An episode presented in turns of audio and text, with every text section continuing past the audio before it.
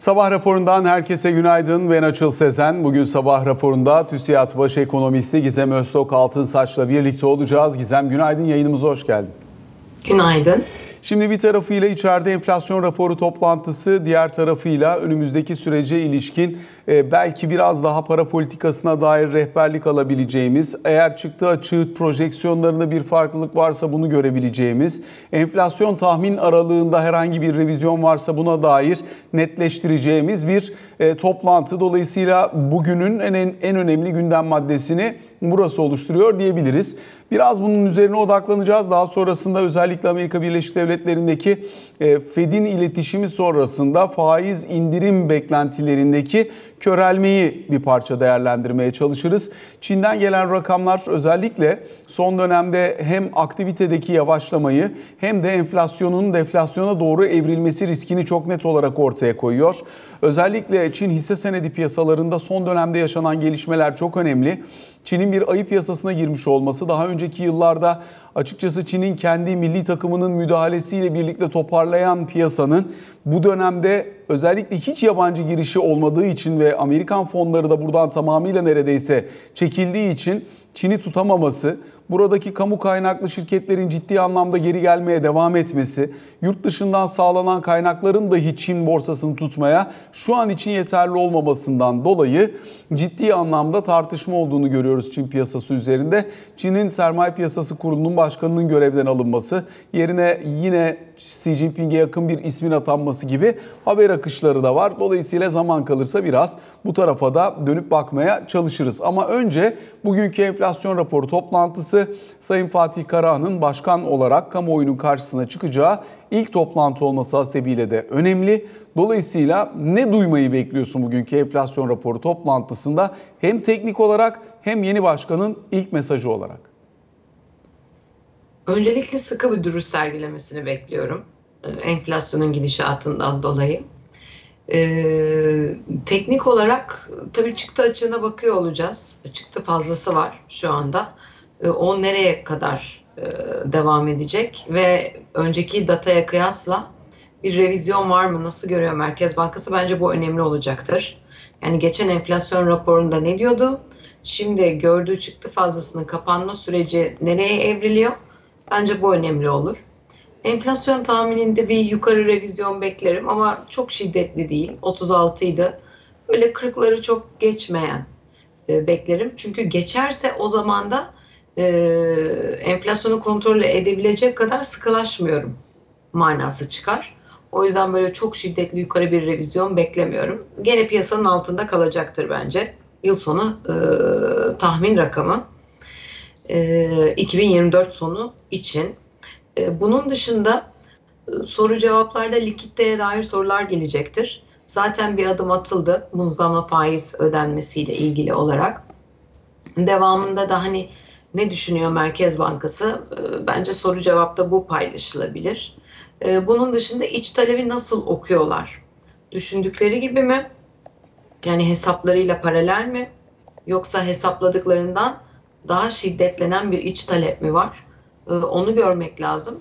Çünkü şöyle tahmin ediyorum ki daha öncesinde e, ücret zamlarının daha çok enflasyon projeksiyonuna göre yani %35-36'lara göre yapacağıyla çalışan bir merkez bankası olduğunu tahmin ediyorum.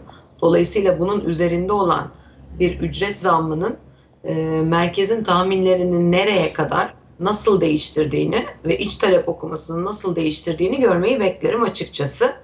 Ee, soru cevap kısmında son derece kıymetli buluyorum bu arada. Ee, başkanın e, teknik yaklaşımını anlama açısından.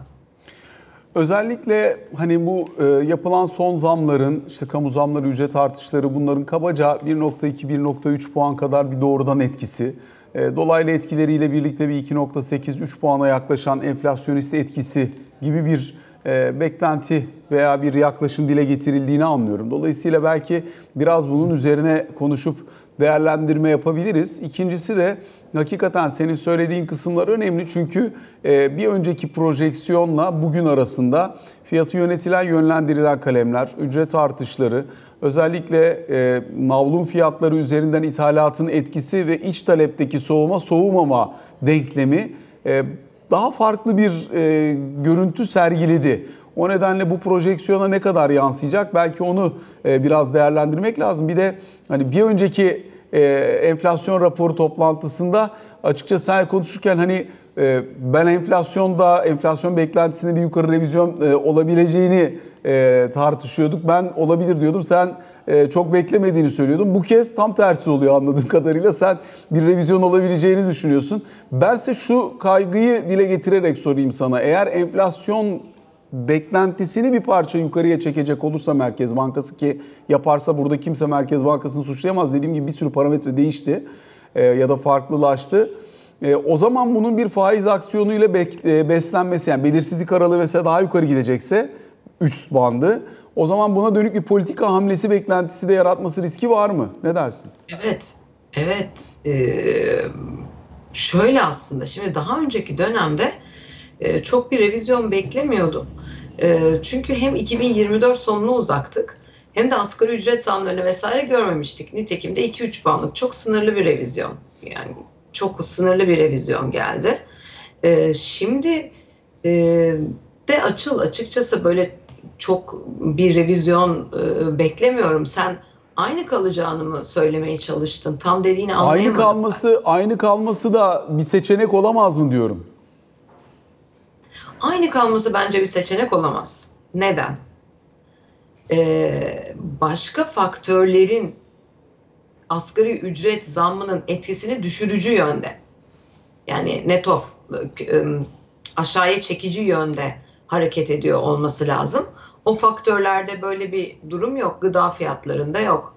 Ee, dış alemdeki fiyatlarda, petrolde vesairede yok. Çıktı açığında yok. Hatta tam tersi var. Ee, dolayısıyla bu majör değişkenler e, asgari ücret zammı arttı ve geçiş fazla ama diğer değişkenler bunu aşağıya çekiyor diyebileceğimiz bir görüntü olmadığı için e, gözümüzden kaçan başka bir değişken faktör yoksa e, ve kur da yükseliyor. Dolayısıyla yerinde kalma ihtimali bence yok. Ha ama sen şunu savunuyor olabilirsin. Ancak bu nasıl olur? Şu anda var olan sıkılaşma gündeminden çok daha ciddi bir sıkılaşmaya doğru gidecekse ve böyle bir e, planı varsa belki değişmez. Ama bu çok ciddi bir sıkılaşma demek açıl. Yani böyle az bir sıkılaşma olmayacaktır. Onun ima ettiği 36 civarını yakalamak benim açımdan bakıldığında yaptığım hesaplarda. Şimdi dolayısıyla ben sıkılaşan para politikasında dahi enflasyon tahmininin bir miktar yukarı çekileceğini düşünüyorum. Ama bunun 40'ı geçmesini beklemem. Çünkü geçti zaten üst band 42'ler civarında. 42. Üst bandı kesinlikle geçmesini beklemem. Şu anda var olan üst bandı. E, çünkü geçtiği takdirde de bu sefer piyasaya ben sizin düşündüğünüz kadar sıkı davranamayacağım mesajı veriyorsunuz. Gene toplayayım. Bunlar çok ekstra detaylar, ayrıntılar. Zaten hali hazırda Türkiye'de enflasyonun var olan dinamiklerle bütün merkez tahminleri, piyasa konsensusu vesaireyi bir kenara bırakırsak %50'yi kırmasının da kalıcı olarak kırmasının da son derece zor olduğunu düşünen bir analistim. Zaten hali hazırda ama diğer merkezle ilgili görüşlerim hani bu şekilde. Ee, vereceği mesajları da ilk iletişimi açısından son derece kıymetli buluyorum. Ee, piyasanın tatmin olacağını düşündüğüm bir toplantı beklerim ben. Özellikle salı günü de bir miktar değerlendirmeye çalışmıştık ama e, uluslararası kurumların verdikleri mesajlar e, daha şahin bir merkez bankası olabileceği varsayımını dile getiriyor ya. O şahinliği o şahinliği bir tabii ki hani uluslararası yatırımcıların nerede gördüğü önemli konulardan bir tanesi. E, ama ikincisi de onun düzeyinin ne olacağı da önemli. Dolayısıyla bir de bunu sormak isterim. Nerelerde görebiliriz ya da neresinde hissedebiliriz o şahinliğini? Eğer varsa. Şimdi şöyle birebir e, görüşmelerinden zaten e, çıkardıkları sonuç budur. Çünkü PPK üyeleriyle biliyorsun zaten görüşüyor. E, yabancı yatırımcılar da bir araya geliyorlar çeşitli konferanslarda vesairede kendi ziyaretlerinde de bir araya geliyorlar. Dolayısıyla böyle bir çıkarımları mevcut. Nerelerde görürüz? Bence şu likitte yönetimine dair daha transparan bir gündem paylaşılabilir? Nasıl okudukları paylaşılabilir? Orada şahince bir yaklaşım görülebilir. Ee, sıkılaşmanın farklı araçlarla devam edeceğine dair bir yaklaşım görebiliriz. Belki açıl bir ihtimal e, faizin de yönünün ne olacağına dair. Bundan emin değilim ama e, belki bunu dahi görme ihtimalimiz olduğunu düşünüyorum. Yani biz e, şu an durduk mu? E, ya da bir miktar daha ihtiyaç var mı? E, ya da seçim sonrası dönemde e, bir adım atma planı var mı? Bence buraları netleştiren bir başkan olursa e, buna da ihtimal veriyorum. E, piyasa bayağı tatmin olur diye düşünüyorum. Ama faiz konusunda tam emin değilim. Eğer bu da olursa e, zaten hani vereceğim mesaj, olması gereken mesaj sıkılaşma yönünde olmalı. Biz durduk ve bundan sonrasında hiç bakmıyoruz şeklindeki yaklaşım PPK notunda hatalı olduğundan bana göre hatalı olduğundan zaten konuşmuştuk seninle. Buralara atıfta bulunan bir konuşma bekliyorum. Likidite yönetimi anlamında ne duymayı beklersin diye de sorayım. Çünkü aslında piyasadaki likiditenin bir parça e, azalmaya başladığını da söylemek mümkün. Hafif Evet. hafif swap tarafı geriliyor. E, likidite fazlasında işte 100 milyarlara doğru bir geri çekilme olduğunu gözlemliyoruz. Burada normalleşme başladı demek mümkün mü? E, bir adım geldi zaten. E, munzama faiz ödenmeye başlandı ve mevduat faizlerinde de bir miktar yukarı yönlü bir hareket olduğunu da görüyoruz. Bir sıkılaşma var e, açıkçası. E, bunu kendi konuşma, orijinal konuşması değil de soru cevapta beklerim açıl. Yani sorulacaktır bence. E, orada iyi bir yönlendirme yapılırsa e, bence tatmin edici olur. Hani merkez ne düşünüyor? ne planı muhakkak ki bir şey düşünüyor. Yani hiçbir şey yapmayacağım demek de bir şey düşünmek sonuç itibariyle. Ee, biraz burasının netleşmesini bekliyorum. Yani e, şunu yaparım diyeceğini düşünüyorum diyemem ama bence süreci netleştiren bir konuşma olacaktır diye tahmin ediyorum. Zaten geç kalındı. Ama adım geliyor bu arada. Yani ilk adımı gördük zaten munzama faiz ödenmesi. Ee, başka bir takım sıkılaşma adımları da görmeyi bekliyorum açıkçası. Özellikle mevduat faizlerindeki yukarı kayış üzerine de biraz değerlendirmeni almak isterim. Ee, hani kabaca 47-48'ler civarında e, mevduatın mevduat faizinin yükselme eğiliminde olduğunu. Dolayısıyla aslında bu çerçevede son belki 2-3 hafta içerisinde perspektifin bir miktar daha değiştiğini anlıyoruz. E, hani bir yerlerde stabilize olmasını bekliyor muyuz artık mevduat faizlerinin? Politika faizine yakınsayan bir noktada. Şu anda e, sıkı zaten.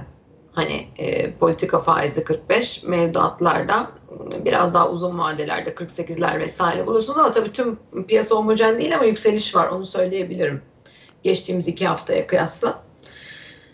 Stabilize olmasını bekliyorum. Stabilize olması gerektiğini de düşünüyorum. Yani stabilize olmasından kastım şu politika faizinin etrafında e, oluşması ve altına kaymaması aslında bahsettiğim konu. E, bunu bekliyorum. E, ama politika faizi 45'te mi kalır, 47,5'larda mı yeniden oluşur? E, o kısım birazcık tartışmaya açık.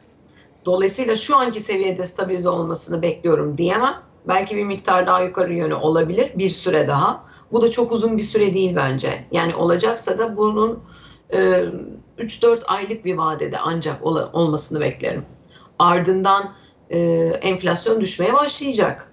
E, o zaman zarfında da e, faiz tarafında, piyasada oluşan faizler tarafında yaz aylarında, yaz aylarıyla başlayan dönemde bir miktar gevşeme olacağını düşünüyorum. Dolayısıyla ilk aşamada 3 ay belki biraz daha yukarı hareketimiz olabilir.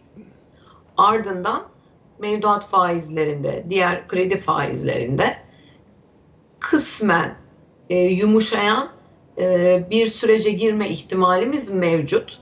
Ciddi bir düşüş olur diyemem. Hala da enflasyon görüntüsü sıkıntılı olduğu için. Ama önümüzdeki 3 ay bence yılın en yüksek seyri olur. Yılı da belki belirleyecek yer burası olacak, doğru mudur?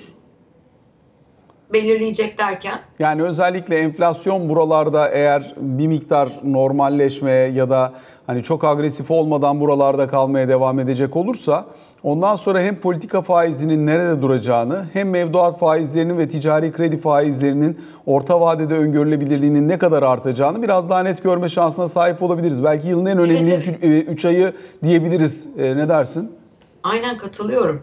Aynen katılıyorum. Ee, dolayısıyla burada oluşacak olan fiyatlar e, yılın gerisini de tahmin açısından biraz daha işimizi kolaylaştıracaktır. Ama nerede ot- oturduğunu bir anlamaya çalışıyoruz. Henüz bir yere oturdu diyemem. Anlatabildim mi? Ama 3 aylık vadede yönün aşağı olduğunu zaten düşünmüyorum. Bir miktar daha yukarı hareket bence söz konusu olabilir.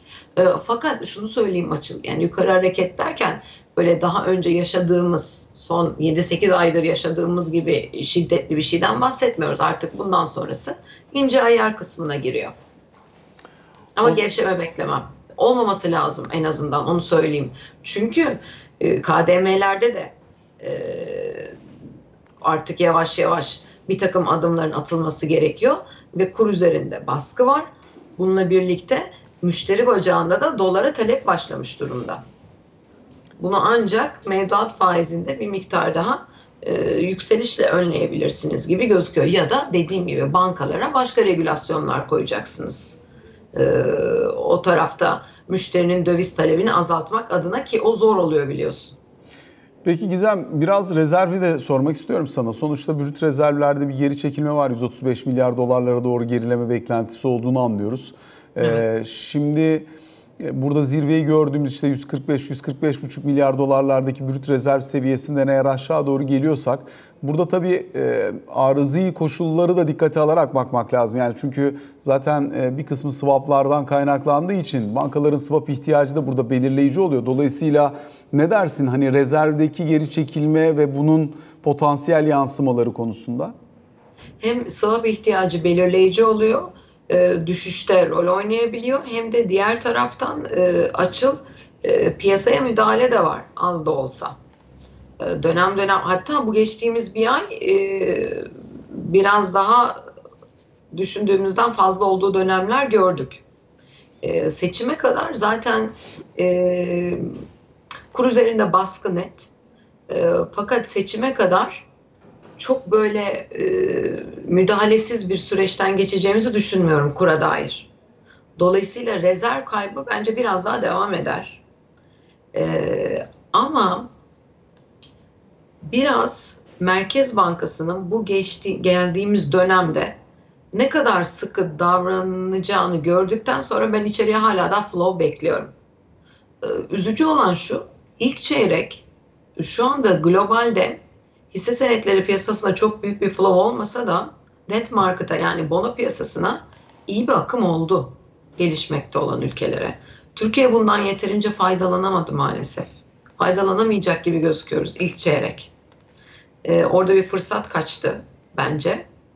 Ama dediğim gibi bu yeni dönemde yeni e, oluşumlara bence gebe. Dolayısıyla e, yabancının en azından seçim sonrası dönemde tekrar bir flow oluşturmasını bekliyorum. Özetle rezervde ilk aşamada düşüş bekliyorum. Ee, yaz aylarıyla birlikte yeniden rezerv biriktirmeye başlayacağımız bir döneme e, gireceğimiz kanaatindeyim. Bence yıla başladığımız yerden daha yüksek bir rezervle bu yılı bitiririz diye düşünüyorum. Yani 140-45 milyar dolarların bence 140 diyelim milyar dolarların üzerinde bir rezervle bu yılı bitirmeyi beklerim açıkçası. Ama doğru adımları atacağımız varsayımıyla gidiyorum ben burada. bu Peki arada. mesela burada biz doğru adımları attık. Uluslararası sermaye girişi işte birazcık flow gördük. O akışla birlikte e, ne kadarlık bir akış görüyorsun ve rezerv seviyesi e, üzerine buraları öngörüyorsun? Açıkçası şöyle, eğer içler biraz stabilize olursa swap kanalı dahi açılabilir. Bu tarz regülasyonların geriye dönüşleri, unwind edilişleri de etkili olacaktır. E, Globalle ilgili şöyle bir problem var. FED konuştuğumuz noktaya geliyor açıl. Yani dün Kaşkari'nin, Collins'in, Barkin'in açıklamalarına bakıldığında hepsi son derece temkinli. Collins'in zaten o yok da hepsi son derece temkinli e, ve geri sarmaya başlamışlar. Geri adım atmaya başlamışlar gibi gözüküyor. E, hatta içlerinden bir tanesinde iki ya da üç hike e, makul gözüküyor gibi bir söylem dahi var. Yani üçten bile acaba geri dururlar mı diye düşündüren e, bir açıklaması var. Ama özetle FED e, beklentileri senin de söylediğin gibi tamamen törpüleniyor hızlı bir şekilde. Ocak Şubat'ı konuşmuştuk zaten seninle burada. Bu döneme denk geldiğini görüyoruz. Bu biraz flow'u yavaşlatabilir ama totalde bu yıl 2024 yılı global majör merkez bankalarının para politikalarının gevşediği bir yıl olacak. Bu da e, gelişmekte olan ülkelerin özellikle bono piyasasına e, para çekmesiyle sonuçlanacaktır. Ben hala da bu anlamda globalin e, destekleyici olduğunu düşünüyorum. Sadece piyasanın o coşkulu halinin yılbaşındaki veya Kasım Aralık'taki coşkulu halinin global piyasaların e, törpülenmesi, normalize olması diyelim. Bence e, söz konusu. Turizmde düşünülenden daha iyi bir nereden katkı sağlayacağızı sormuştun. Oraya geri dönüyorum. Turizmde bence e, düşünülenden daha iyi bir yıl olabilir 2024 Türkiye için. Eğer fiyatlamayı doğru yaparsak, geçen yılki hatayı tekrarlamazsak ben e, oldukça iyi bir döviz çekeceğimiz yıl olacağını düşünüyorum 2024'ün. E, tabii olumsuz başka senaryolar yani uç riskler e, gerçekleşmezse onları zaten hani biliyorsun senaryolarda kullanmıyoruz. E, bunun dışında e, dediğim gibi biraz para piyasasının normalleşmesi özellikle Mayıs, Haziran'dan sonra normalleşme ihtimali olduğunu düşünüyorum. Bu çerçevede de yılın ikinci yarısında biraz daha e, rezerv birikimi görme ihtimalimiz var. Ama flow e, yani o akım, bonoya akım bence e, seçim sonrası dönemde Nisan-Mayıs'ta başlar gibime geliyor. E, biliyorsun biz aslında ilk seninle konuşurken ilk çeyrekte bekliyorduk. Bu bir anda böyle Kasım aralığa çekildi. Orada iyi bir giriş görmüştük.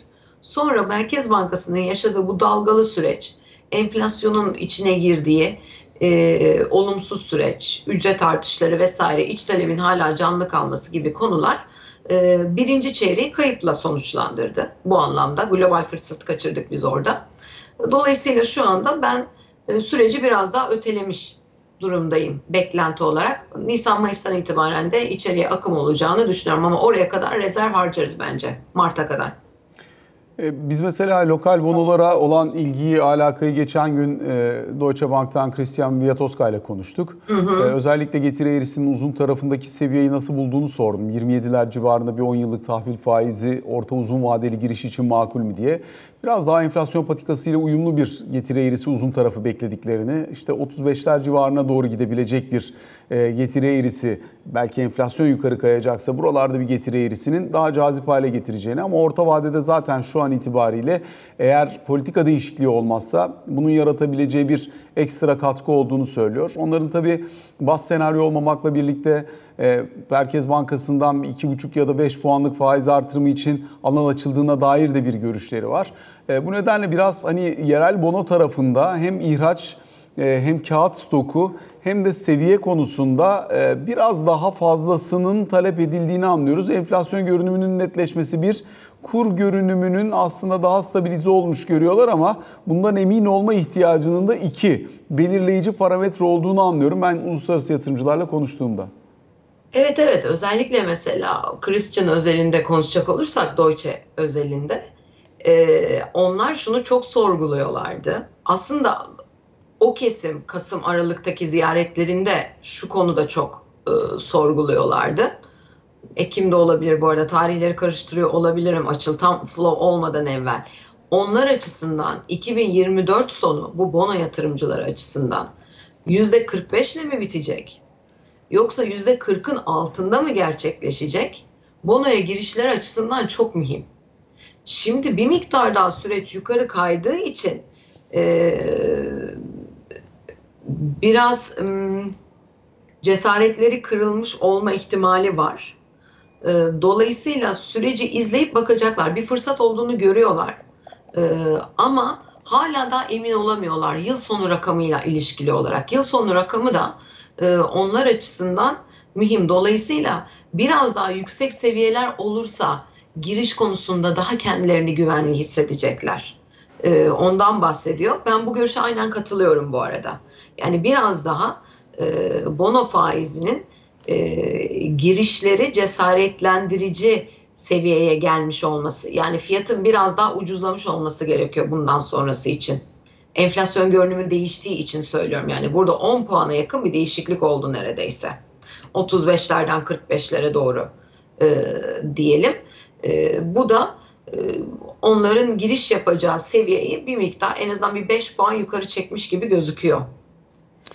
Türkiye Varlık Fonu'nun dün ihracı gerçekleşti. Sabah saatlerinde 9-12.50'lerde ilk getiri beklentisi oluştuğunu görmüştük ama sonrasında e, gün içerisinde yoğun talep oluştuğunu anlıyoruz. Sonuçta e, baktığımızda 7 milyar doların üzerine geldi 500 milyon dolarlık ihraç için talep. Sonuçta 9-12.50'lerde oluşan ilk getiri beklentisine karşın sonlandığı nokta 8.37.50'ler.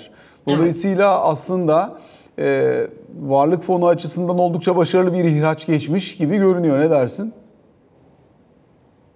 Talep açısından bakıldığında evet e, o talebin kimlere verildiği de önemli. Hani lokale mi gitti, yabancıya mı gitti? Bence bu da Başta lokal yoktu sonra bir miktar lokal giriş Var, evet. olduğunu da anladık tekliflerde. var.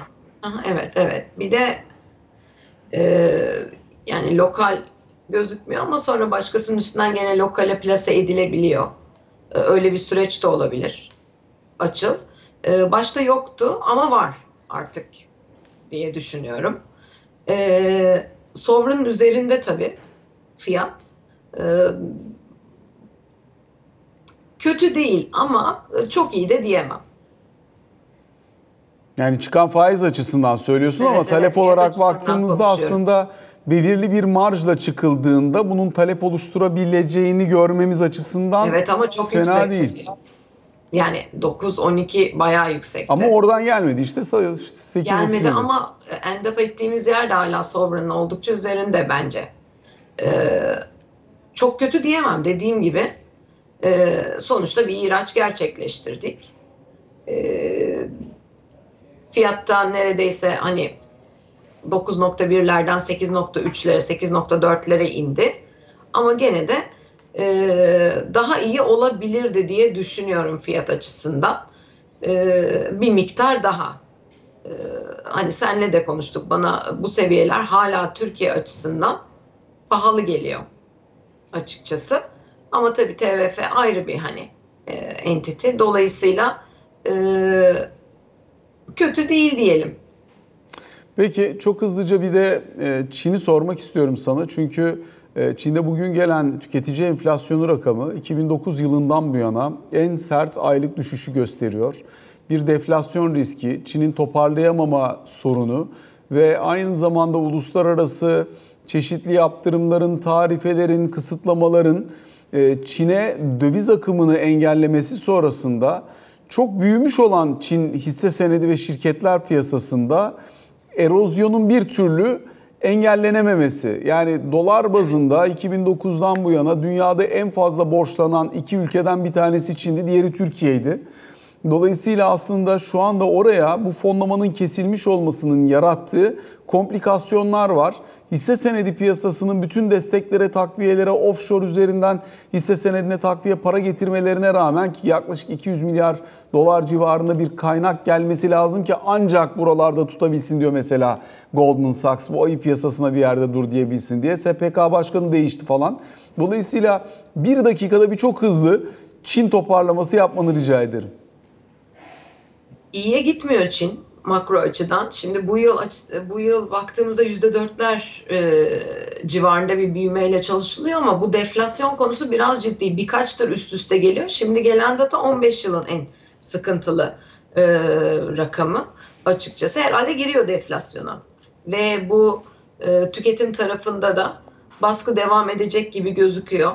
E, eğer tahminler %4 büyümeler değil de %3'lere doğru kayarsa dünya büyümesinden de bir 50 bas puan götürebilecek boyutta bir düşüş bu. Açıl. Ee, dolayısıyla biraz daha fazla Çin konuştuğumuz Çin riskinin daha fazla arttığı e, bir sürece girmiş gibi gözüküyoruz biz e, şu anda.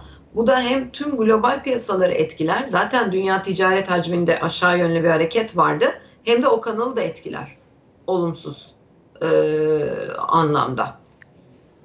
Gizem Öztok Altınsaç çok teşekkür ediyoruz. Bu sabahını bizlere ayırdığın ve sorularımızı yanıtladığın için. Kısa bir araya gideceğiz şimdi. Sonrasında Ali Can Türkoğlu ile birlikte karşınızdayız.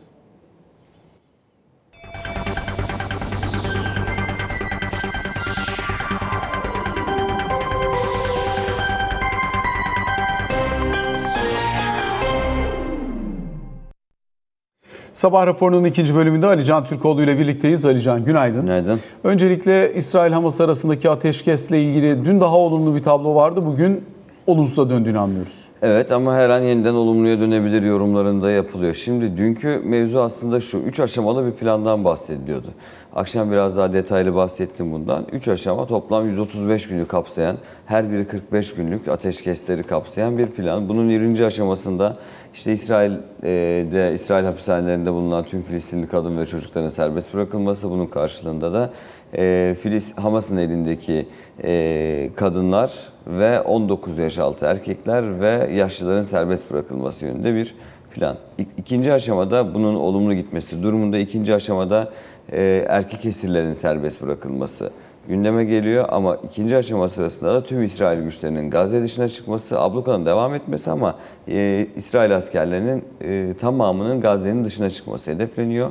Üçüncü aşamada ise işte karşılıklı e, cenazelerin teslim edilmesi ve bir yandan da garantör ülkelerle de istihbaratların görüşmelerini, istişarelerini devam ettirmesi süreçle ilgili. E, savaş sonrası, çatışma sonrası Gazze'nin nasıl inşa edileceği ve devamındaki siyasi süreçle ilgili görüşmelerin devam etmesi yönündeydi. Burada Hamas garantörler olarak e, Katar, Mısır, Türkiye, Rusya ve Birleşmiş Milletler'in garantör olmasını istiyor. Ee, İsrail tarafının garantörü ise Amerika Birleşik Devletleri olacak. Belki Fransa'da devreye girebilir deniyordu. Mevzu buydu aslında dün akşam saatlerine kadar. Ama e, biz dün akşam yayındayken akşam 8.30'da Netanyahu'nun bir basın toplantısı yapacağı bilgisi geldi. Bu basın toplantısı yapacağı bilgisi önce olumlu olarak değerlendirildi. Yani ateşkese ilişkin bir açıklama yapacağı yönünde. Ama gördük ki dün tam da Blinken'la yapmış olduğu görüşme sonrasında İsrail Başbakanı askeri seçeneğin, e, askeri baskıyı sürdürmenin esirleri e, getirmek için tek seçenek olduğunun kendileri tarafından düşünüldüğünü, e, Hamas'ın taleplerinin kabul edilmesinin de esirlerin getirilmesini sağlamak bir yana tam tersi e, yeni bir baskı, yeni bir kıyma kendi söylemiyle yol açacağını ifade eden bir değerlendirme yaptı. Hatta bir adım ileri götürdü bunu. Ee, İsrail ordusuna da e, hem refah hem de merkez kampları da saldırıya hazırlanması için gereken talimatların da verildiğini söyledi. Şimdi bugün neden daha olumlu bir haber gelebilir? Hamas heyeti e, işte açıklamaları zaten eleştiriyor. Çatışmanın sürdürülmek, kimin tarafından sürdürülmek istendiğini net olarak gösteriyor diye ama bir yandan da mutabakat görüşmeleri için e, Kahire'ye bir heyet daha gönderdi. Dün akşam saatleri itibariyle. Dolayısıyla arka kapıdan aslında e, bu esir takası anlaşmasına yönelik olarak mutabakat görüşmeleri devam ediyor. Bu biraz daha olumlu olarak değerlendirilen ve her an daha olumlu bir haber alabiliriz yönünde yorum yapılan aşaması. Daha olumsuza gidebilir diyenler ise özellikle Netanyahu'nun açıklamasının ikinci kısmı yani refah tarafına da bir saldırı talimatının orduya verilmesinin e, Filistin'de, Gazze içerisinde çok daha fazla can kaybına yol açabileceği, dolayısıyla bu noktada anlaşılan o ki Amerika Birleşik Devletleri'nin de kurmuş olduğu baskı veya söylemin İsrail üzerinde herhangi bir şu an itibariyle bir etkisi olmadığı yönünde yorumlanıyor. Çünkü Blinken esir takası için daha yapılacak çok şey var diye bir açıklama yaptı mesela. Biden gündüz olumlu konuştu, Blinken akşam olumsuz konuştu. Dolayısıyla şu an e, bugün itibariyle, şu saat itibariyle İsrail-Hamas e, mevzusunda e, pozitif bir noktada olunmadığını söyleyebiliriz. Ama bugünkü görüşmelerin neler getireceğini bakmak lazım. Peki e, özellikle Putin'in gelişinin ertelenmiş olması dikkate değer konulardan bir tanesi. Bir de çok hızlı böyle bir, dakika içinde yine Yerel seçim gündemine ilişkin Ee, detay. Putin 12'sinde geliyordu normalde. Resmen açıklanmamıştı bu arada. 12 Şubat'ta resmen Putin Türkiye'ye geliyor diye Rusya tarafından da bir açıklama gelmedi. Türkiye tarafından da bir açıklama gelmedi. O yüzden resmen de 12 Şubat'taki e, seyahatin Erteleme resmi değil yani. ertelemesi de gelmedi ama gelmiyor. Ee, dünkü haber akışına göre e, Nisan sonu Mayıs başı gibi bu seyahatin gerçekleşeceği ifade ediliyor. Seçim çalışmaları e, bu ertelemenin nedeni olarak gösterilmiş ama farklı bir neden var mı? Bu görüşmenin bugün değil de Nisan sonu Mayıs başı yapılmasının başka bir amacı var mı? Önümüzdeki e, diplomatik görüşmelere biraz daha dikkat etmek gerekiyor bence bu noktada. Hani Rusya ile sadece Türkiye-Rusya ilişkilerinin konuşulma, konuşulmayacağını, zaten işte enerji ticareti, gaz ticareti başta olmak üzere bu tip konularla ilgili olarak düzenli zaten iki taraftan da açıklama geldi ama bölgesel politikalarla ilgili önümüzdeki süreçte bir iki aylık süreçte yapılacak görüşmelere daha fazla dikkat etmek gerekiyor. Yerel seçimlerle ilgili olarak DEM Parti'nin Başak Demirtaş'ın aday olmayacağı açıklaması sonrası 9'una kadar e, kimleri aday göstereceğini açıklayacağını biliyoruz. Ama bu aşamada normal koşullarda Cumhuriyet Halk Partisi'nin parti meclis toplantısı 8 veya 9'unda olacaktı. Yani bu hafta e, gerçekleşecekti bugün veya yarın. Gözüken o ki Cumhuriyet Halk Partisi parti meclis toplantısını 12'sine erteleyecek gibi gözüküyor. En azından benim dün akşam konuştuğum e, parti kaynaklarından aldığım bilgi bu hafta sonu değil de pazartesi günü parti meclis toplantısının gerçekleşebileceği, aday tanıtım toplantısının ise 12'sinden 18 Şubat'a alındığı yönünde. Dolayısıyla bir bir hafta erteleme var. Bunun içerisinde tüm etmenleri beraber okumak gerekiyor. Yani işte Hatay'da yaşananlar, DEM Parti'nin vermiş olduğu karar ve partinin içindeki bazı adaylara ilişkin tartışmaların devam etmesi. Bir bu. Bugün AK Parti MHP heyetleri görüşüyor. Belediye meclis üyelikleriyle ilgili olarak ve bir beklenti AK Parti ile e, Yeniden Refah Partisi arasında bu hafta içerisinde önümüzdeki 2-3 gün içinde bir görüşme daha olabilir. Alican teşekkürler. Sabah teşekkür raporunu ederim. böylelikle noktalıyoruz. Hoşçakalın.